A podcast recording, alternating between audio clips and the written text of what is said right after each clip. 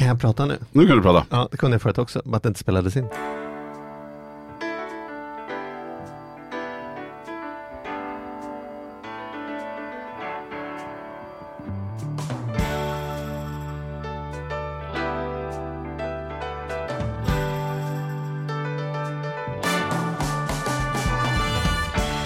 Hej och välkommen till Ekonomi på riktigt med Charlie och Mattias. Hoppas det är fin fin form på er här ute. Hur är det på dig Mattias? Toppen. Vet du om vem som eh, vi presenterar den här podden i samarbete med idag? Ja, Ja. det är tillsammans med Tara. Just det, Och går man in på tara.se Charlie Charlie. då kan man få ett schysst eller då får man ett schysst pre- prenumerationserbjudande. Mm. Det finns ju en massa lullull och härliga saker men framförallt finns det en hel sida i den tidningen med bara dig och mig. Mm. Bara det är ju värt att prenumerera. Bara det. Och där vi svarar på frågor, läsarnas frågor. Mm. Eh, likväl som vi gör här regelbundet i våran podd. Mm. Så man kan också ställa frågor till Charlie och Mattias at gmail.com. Hur är det med dig då Charlie? Det är Ja, höst. det- Det... är mörk höst nu. Det är slutet på november. Jag ska berätta hur det är med mig. I morse när jag sitter och eh, går igenom post så tappar jag en knapp i västen. Ja, jag ser det. Ja. Och så tänker jag så här, fan det här är ju ah, Det är ju värsta som har hänt på hela veckan. Så bra i mitt liv. Mitt liv är så bra så att en knapp är det värsta som har hänt på hela veckan. Då Mm. har man det väl jävligt bra helt, Mm. helt rätt sett. Ja, ja, det får du säga. Bättre det, så kan man ta det. Nej. Om en knapp är det värsta man kan hitta på på en vecka, då, då flyter det. Mm. Hur är det med dig då? Jo, det är toppen. Är det dubbla dragkedjor idag? Eller? Ja, men det, det är lite urrigt. Alltså sådär. Vad är det? Urrigt. Ja. Ja. men det är, det det är november. Ja. Tandläkarväder som Winnerbäck skulle ha sagt. Det, det Jag kom hem från Spanien igår så att jag kanske inte har liksom plockats ner i urrigheten. Nej, du har inte gjort det. Ja. Men du, idag har vi ju en riktigt spännande gäst. Mm, det ska som, bli kul. som vi alltid har. För att säga det, vi är jädrigt bortskämda med alla bra gäster vi Mm. får. Mm. Det, är, det ska vi vara väldigt stolta och ödmjuka inför. Tack alla ni där ute som kommer med förslag på gäster. Fortsätt göra det. Ja. För att vi är inte experter på att hitta experter men det finns väldigt många intressanta människor. Ja, och alla som hör av sig och vill komma till oss är också så Ja. himla roligt. Så Ja. vi är superglada för det. Men eh, ska vi då ta och presentera Ja, våran vi dagens kör gäst? trudelutt. Ja, det gör vi.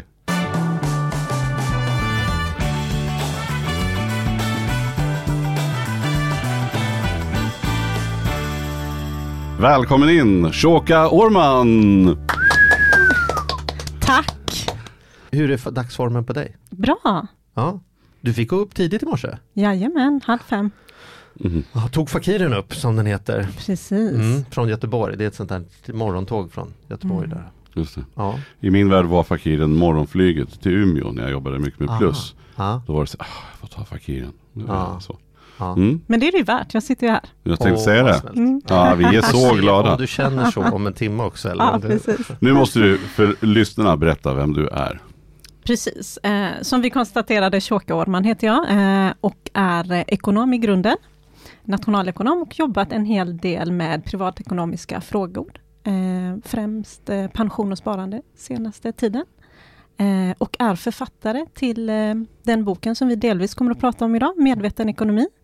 Eh, där jag har med mig en medförfattare som inte är på plats idag, Frida Träskov.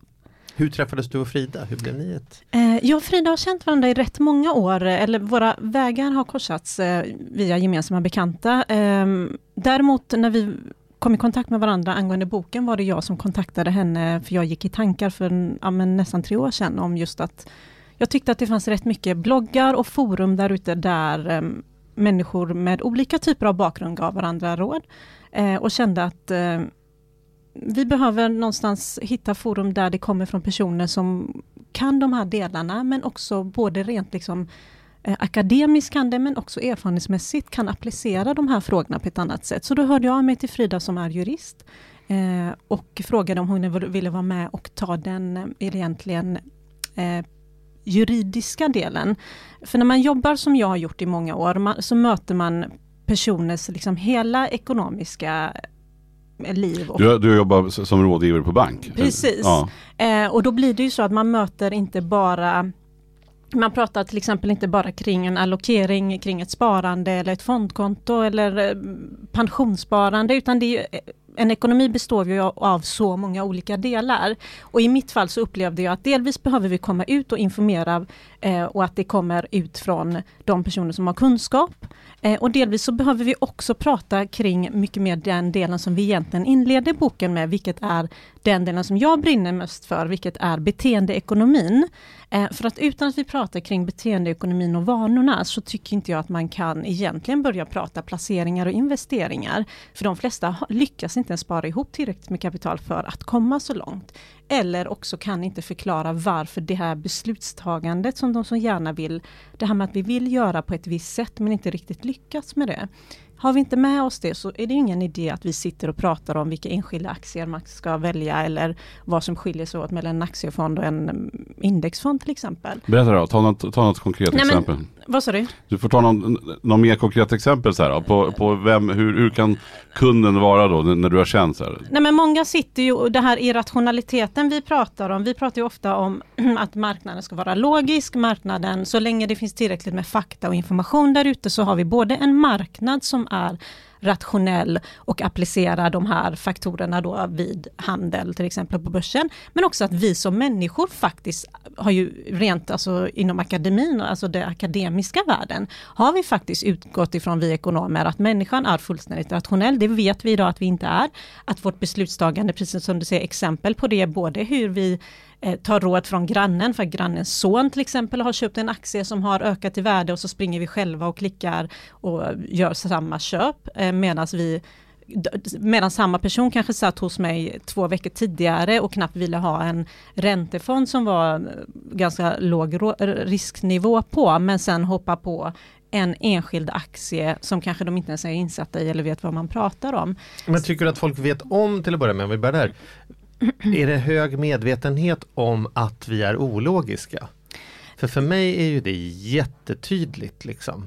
Jag tycker att det har blivit mer, det är också lite, när jag började prata om de här ämnena, jag skrev en uppsats för närmare 13 år sedan när jag läste på Handels, en magisteruppsats just inom detta. Då var det mycket mer börspsykologin och liksom en större aspekt. Eh, men efter det upplever jag att det har skett en förändring. Eh, och vi kan också se till exempel Nobelpriset i ekonomi förra året var ju också ett faktum. Eh, men också att man ser mer och mer att vi pratar i de termerna. Men jag tycker inte att vi som individer många gånger är så insatta som man tror. Vi, det är därför vi fortfarande sitter varje måndag morgon och tror att vi ska starta veckan på ett visst sätt. Eh, eller att vi ska agera annorlunda eller ta annorlunda beslut än vad vi faktiskt lyckas med gång efter gång, vecka efter vecka. Och det är precis det man pratar om också till exempel på marknaden och börsen, att vi är återkommande irrationella, även om vi, det sitter sådana ute som mig som skriver och pratar om de här ämnena, eh, så är medvetenheten inte tillräckligt stor. Däremot det som man ser om man tittar rent akademiskt på det, så vet man att de investerare som blir medvetna om detta och till exempel följer upp sina eh, aktieköp som inte blev som de hade tänkt sig och analyserar de delarna, de kan på sikt göra bättre val och mer rationella val och bli mindre styrda av sina känslor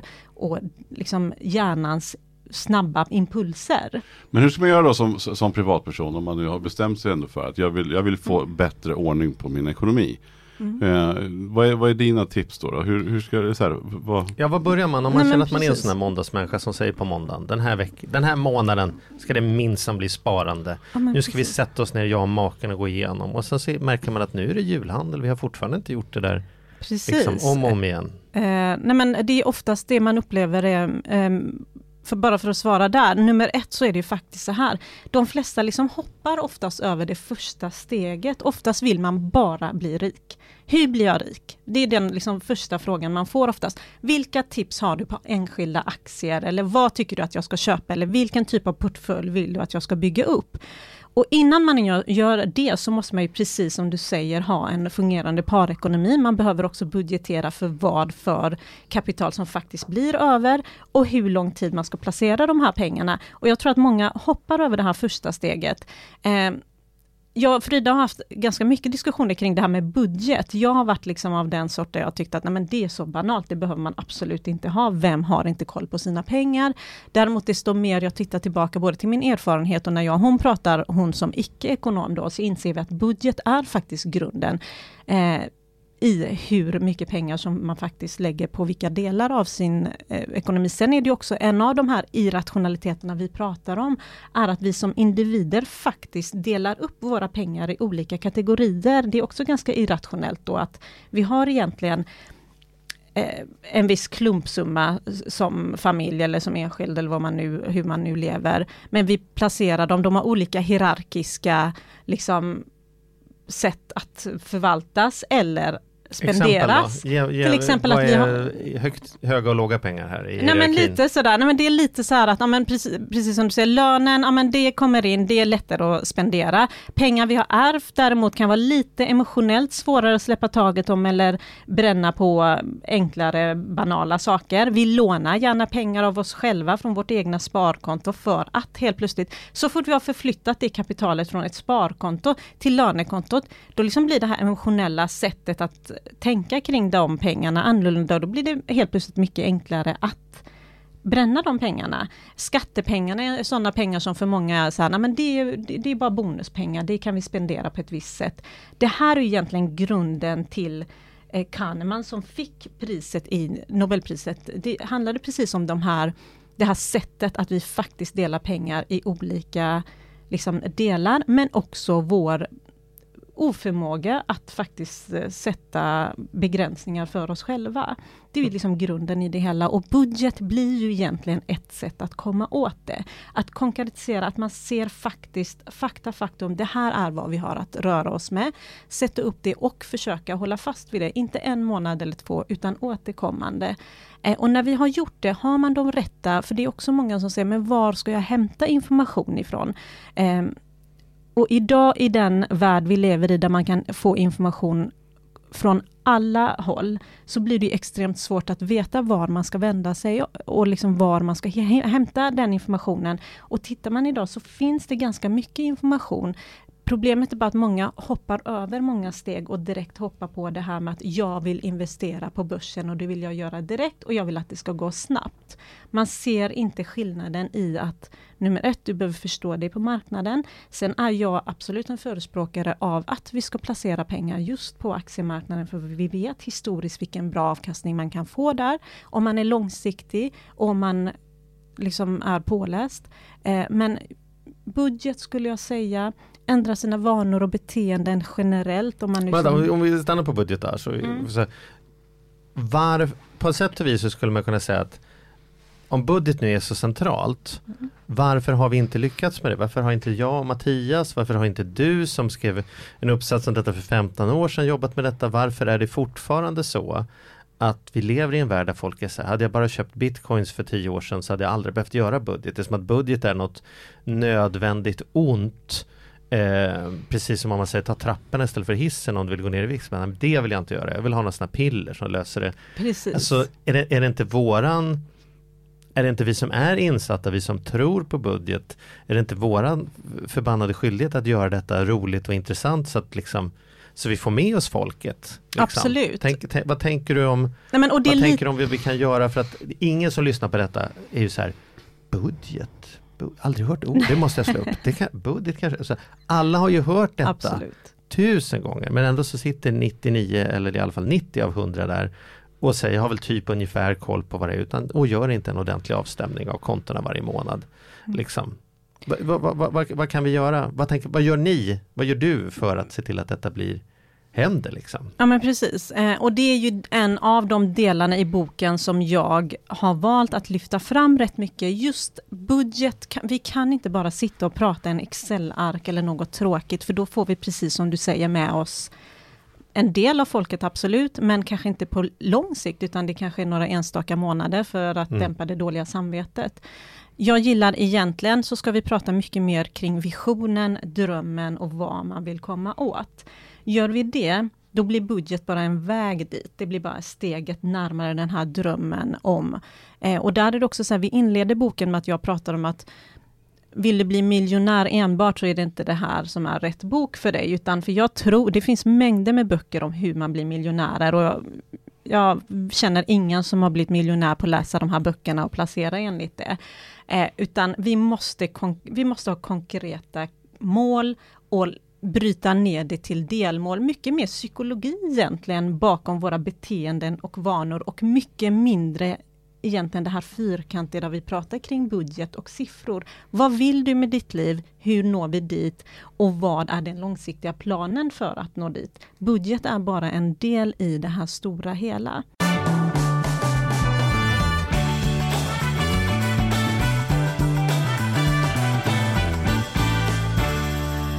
Jag jobbar ju med de här frågorna. Mm. Du jobbar med de här frågorna, Precis. liksom beteendebiten i ekonomi. Mm.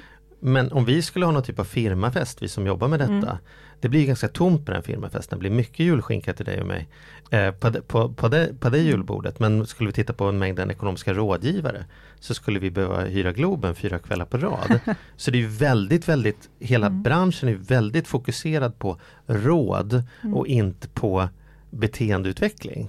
Precis. Är inte det konstigt att inte bankerna har liksom en beteendeavdelning? Eller? Jag hade faktiskt tänkt komma dit och det är därför jag, jag vet att eh, jag gjorde någon um, intervju där jag sa att jag har liksom ingen prestige i att sitta och prata i massa nationalekonomiska termer eller tunga termer, för jag tror inte att det är så vi når fram till eh, våra läsare eller liksom folket generellt. Vi behöver prata mer kring varför hjärnan till exempel fungerar som den gör. Varför vi avstår pensionssparande trots att vi vet att vi en dag kommer att behöva sitta där och ha mer inkomst än den vi faktiskt får från staten. Eh, och du pratar någonting om bankerna där. Jag har ytterligare en bok som släpps eh, under året här. Eh, och där, eller under nästa år, förlåt. Eh, och där pratar jag precis just om detta att det som man har gjort nu idag, när vi pratar liksom fintech och när vi pratar den nya ekonomin och digitaliseringen, det man faktiskt kan se mer och mer är att bankerna och den finansiella, liksom, finansiella aktörerna faktiskt applicerar mycket mer de här beteendeekonomiska aspekterna i de appar man tar fram, i hur de försöker få oss att spara. Man försöker istället för att ändra på våra vanor och beteenden, försöker man istället ta fram produkter och, liksom, och appar och sätt som gör att vi per automatik och på ett enklare sätt, alltså att vi får en nudge, en liten skjuts till att bli bättre sparare än vad vi har varit tidigare. Så att man har även om det fortfarande för många är nytt det här med beteendeekonomi och hur man kan styra oss och påverka oss, så är det absolut en stor del av den nya digitala liksom, banken och den fintech-delen som vi kommer att se framöver. Och det ser man bland annat i USA till exempel. Där får man hjälp genom att koppla då till exempel tjänster till sin transaktionskonto där och det har ju vi även i Sverige har man ju faktiskt att man kan per automatik se delar av hur ens pengar liksom spenderas och så vidare. Eh, och, där, och då ska man ju känna någon lust kring att gå in och titta på det. ja det men finns... precis, det är ju det här liksom att man skjuter upp eller struntar i det. Jämför man med modeindustrin så kan man väl säga att bank och finansmarknaden ligger Titta på det på, på modeindustrin. Hur många minuter eller kronor lägger de på utveckling av tyg och hur mycket lägger man på bet marknadsföring, mm. beteende, se till att få människor att vilja ha den här handväskan.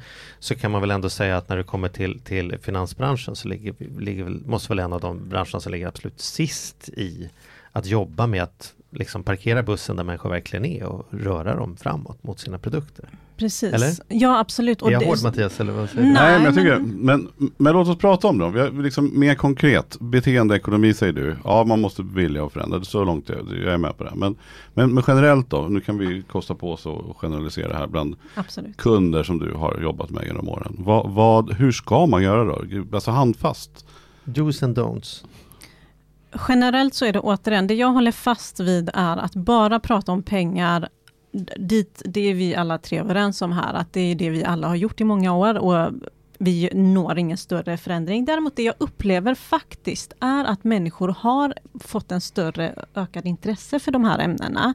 Det jag upplever däremot de inte riktigt alltid når fram till är, de vet inte var de ska börja.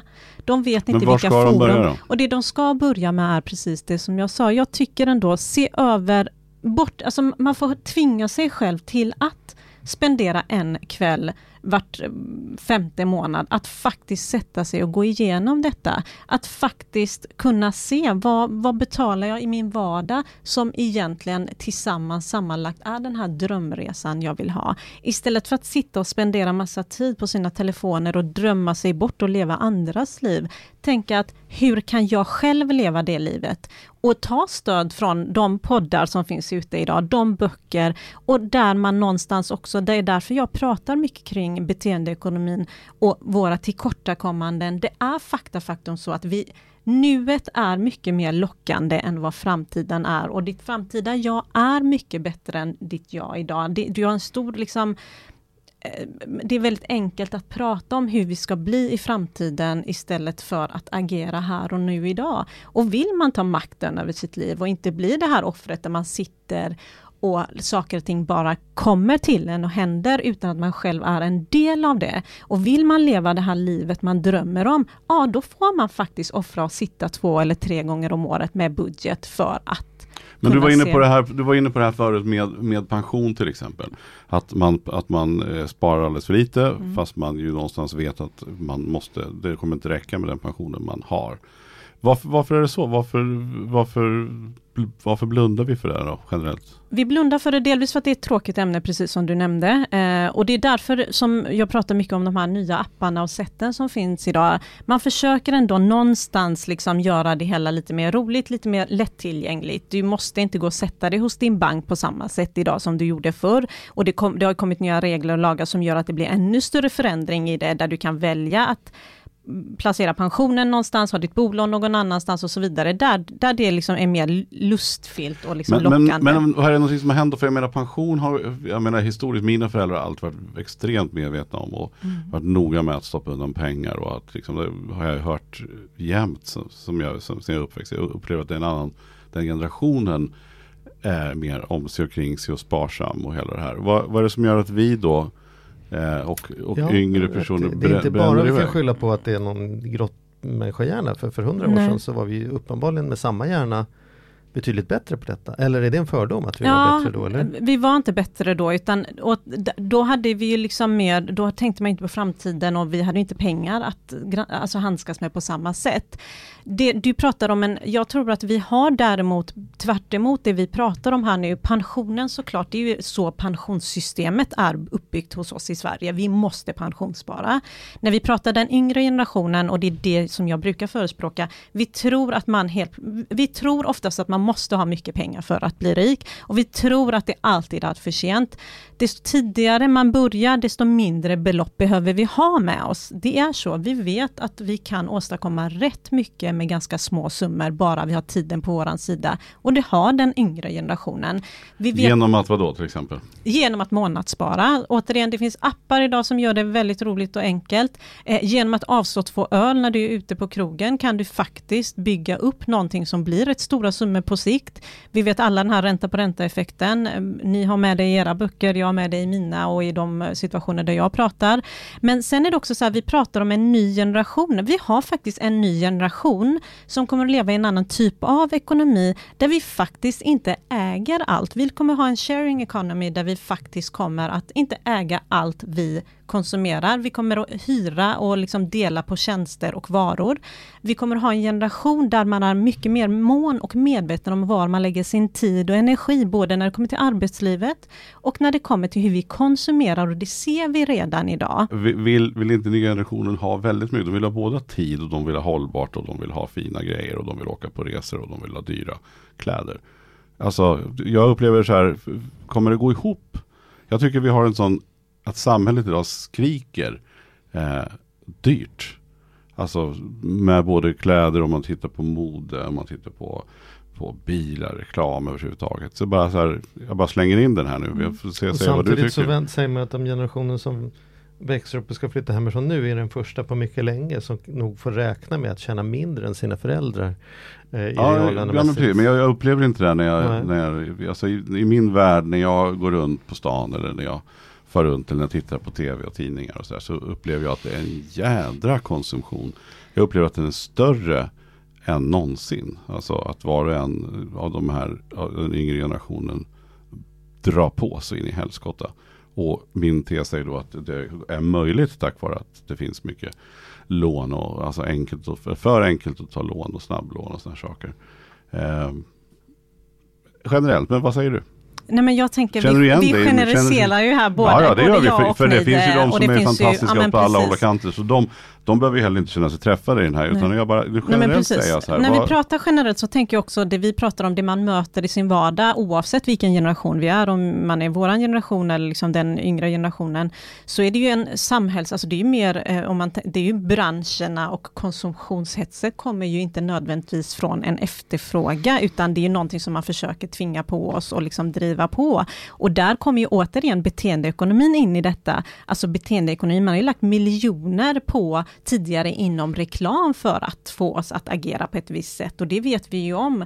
Eh, och idag kan man använda precis samma sätt för att få oss att agera åt andra hållet, alltså spara mer, välja annan typ av konsumtion, eh, välja mer ekologiskt. Så att absolut, det är klart att det finns den yngre generationen som fortfarande lockas av det dyra och konsumtionssamhället. Men det finns faktiskt också en tendens som man ser hos den yngre generationen där man väljer en annan typ av sätt, ett annat typ av sätt att leva där det faktiskt kan kopplas in ekonomisk aspekt som man kan dra nytta av och faktiskt använda pengar på ett annat sätt, om det är nu till upplevelser som de föredrar, eller att få mer tid över för att leva ett annat typ av liv än det här 8 till 5 livet eller konsumtionslivet som många av oss andra har levt.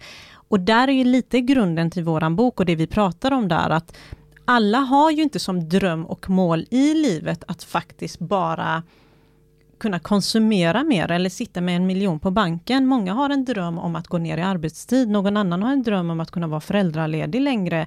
En pensionär kanske vill gå i pension tre år tidigare med sin respektive för att den personen är yngre. Så att mycket av det vi pratar om här och nu, såklart, även om vi generaliserar, handlar ju om vad man vill som individ och det är det man måste sätta det är grunden i allting. Vad vill jag och hur vill jag leva? Och utifrån dem både sätta budget och sparande och tänk. Och jag, som sagt, utifrån min nästa bok handlar mycket kring det här med digitaliseringen och hur vi ny, liksom i den nya ekonomin, jag skulle inte påstå nya ekonomin, för det är faktiskt en pågående ekonomi och den ekonomin vi lever i och kommer att leva i allt mer. Och vi kommer att vara där i mycket snabbare takt än vad vi tror. Där tittar man till exempel på många av de här tjänsterna vi promenerar på, där är det ju också ett beteende. Där har man ju mött och man har ju kollat, vad har vi för beteenden? Jo, så här och så här tänker den nya generationen. De vill hellre hyra eh, istället för att köpa. Men då istället så signar vi upp oss på prenumerationer som är kanske ändå tickar ut pengar. Så att såklart mm. att även om vi, jag pratar om att vi genom branschen kommer att stötta oss i vårt dåliga beteende och irrationella beteende till att bli bättre sparare, så finns det ju såklart också eh, till exempel inom reklam aspekter där man fångar oss i den här nya ekonomin men vänder det istället åt andra hållet, precis som jag sa där att vi har en generation som är mer van vid att till exempel Netflix eller vad det nu kan vara, där vi lånar av varandra eller hyr tjänster, men hur gör vi då för att faktiskt fortfarande få in pengar? Då, då har ju branschen ett annat sätt att tänka på, ja men då ser vi till att de prenumererar på någonting då, och då tickar det ändå pengar in. Så att det gäller väldigt mycket om det vi pratar om i boken, just medvetna val, och medvetna val kan du inte bara göra en gång om året. Medvetna val behöver du göra varje dag i din vardag, men du behöver också vara medveten om att du behöver liksom bära med dig det här oavsett om det är när du står på mm, i mm, mataffären, hur du konsumerar och varför du konsumerar och liksom hur det kommer sig att du faktiskt enkelt bara plocka ner massa saker som i slutändan gör att du varje gång du handlar går ut med 300 kronor mer än vad du egentligen behöver och de sammanlagt på en vecka, en månad, ett år blir rätt mycket pengar och kanske den här resan som du kan unna dig och din familj eller Eh, vad det nu kan vara man är ute efter, men också där vi bär exakt samma mekanismer och samma brister med oss, till exempel när vi placerar pengar på börsen. Eller när vi, till exempel i den volatila marknad som vi har haft senaste tiden då, hur vi agerar. Man märker beteendet och vi kan ju se på diagrammer och mönster precis hur folk agerar. Och det är ju ofta småspararna som faller både när det kommer till konsumtion för sina tankefällor och för sina brister på irrationalitet, men också när det kommer till placeringar på aktiemarknaden. Så att desto mer man pratar... Ska vi säga någonting om det där? Nu sa jag det i förbifarten, men mm. det där är ju intressant därför att det finns ju då statistik som stödjer just det att när det är som absolut sämst läge att köpa till exempel på aktiemarknaden mm. då köper de absolut flest, då strömmar pengarna in från svenska småsparare på börsen. Precis. Och när det är som absolut sämst läge att sälja då säljer de absolut flesta småsparare. Att liksom vi är, vi är som, som grupp eller som folk, småsparare, liksom förprogrammerade för att förlora pengar på börsen kan man säga. När börsen går, blir det dyrt, dyrt, dyrt, då ska alla köpa, köpa, köpa och när det blir billigt, billigt, billigt, då ska alla sälja, sälja, sälja. Precis. Liksom, har, har, du tänkt någonting på det där? Du ja, men absolut. kring det i boken. Eh, och det har ju vi med, jag har ju med diagram oftast när jag föreläser och när jag är i andra sammanhang där man visar, det är ju precis som det ser, det finns ju liksom en ganska tydlig trend där man ser liksom det här hoppfullheten, girigheten och sen liksom så går diagrammet efter ett visst mönster och beteende och den är återkommande, den ser vi gång på gång precis som du säger när man har en positiv marknad. Men vi ser den också gång på gång när det är en fallande marknad. Och då ser man ju också precis som du nämner där skillnaden mellan småspararnas beteende och de kanske lite mer erfarna aktörerna på marknaden. Någonstans är det så här att vi, vi är flockdjur, precis som du nämnde, där vi agerar i grupp. Men också så är det så här att vi vågar inte hoppa på i första skedet, utan desto mer vi hör om någonting, desto säkrare det är också det. Bara för att många pratar om en sån sak så betyder det inte att det är korrekt. Och det är precis så vi tolkar informationen. Desto mer du möter en viss fond eh, eller en aktie som nämns i media, så utgår det ifrån att är det många som pratar om den så måste det vara bra. Det ingen... Istället för den rimliga tolkningen som är om det är många som, måste, som pratar om den så var den säkert bra när de började prata. Tidigare precis, eller gör ja. ingen analys. Den kanske var bra för ett år sedan om man tittar på fundamentala liksom, faktorer. Men tittar man på den idag så kanske det har hänt massa i bolaget som har förändrat egentligen vad mm. värdet och den framtida förväntade värdet är i bolaget.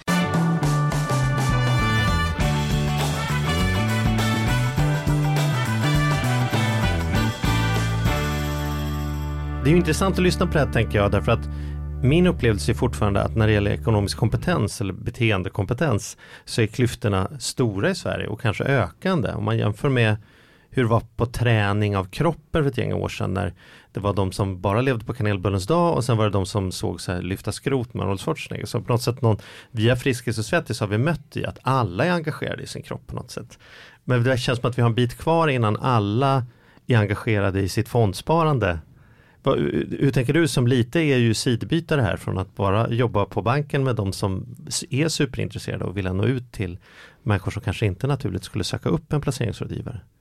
Du måste ju tänkt på detta tänker jag. Absolut och det är ju liksom en av grunderna i varför vi väljer att skriva våra böcker och föreläsa och vara ute på det här sättet. Och ah, mycket av det handlar om att känna att man har någon makt att påverka sitt liv och hur man vill leva.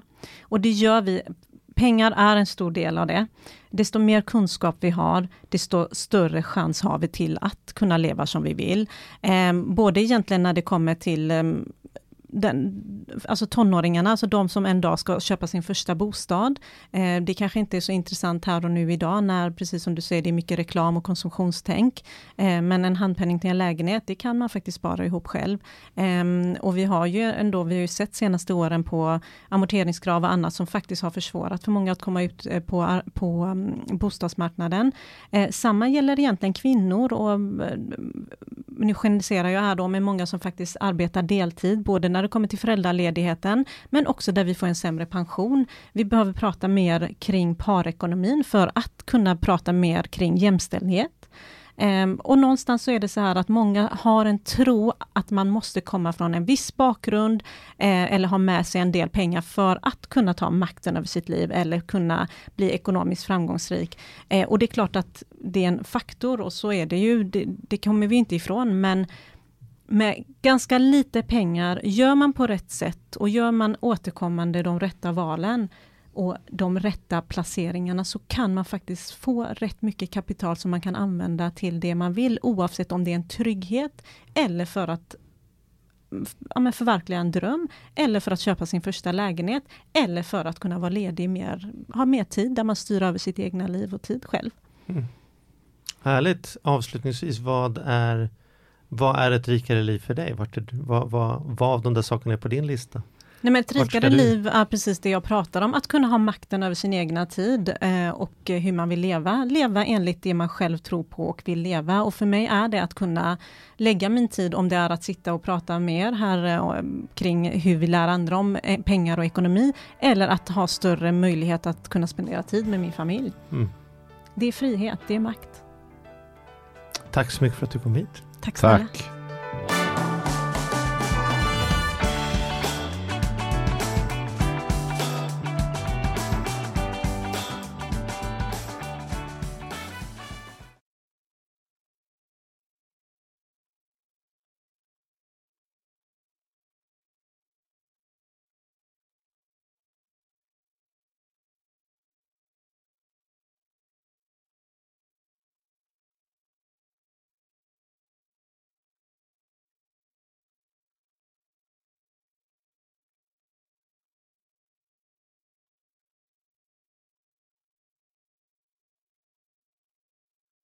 Ny säsong av Robinson på TV4 Play.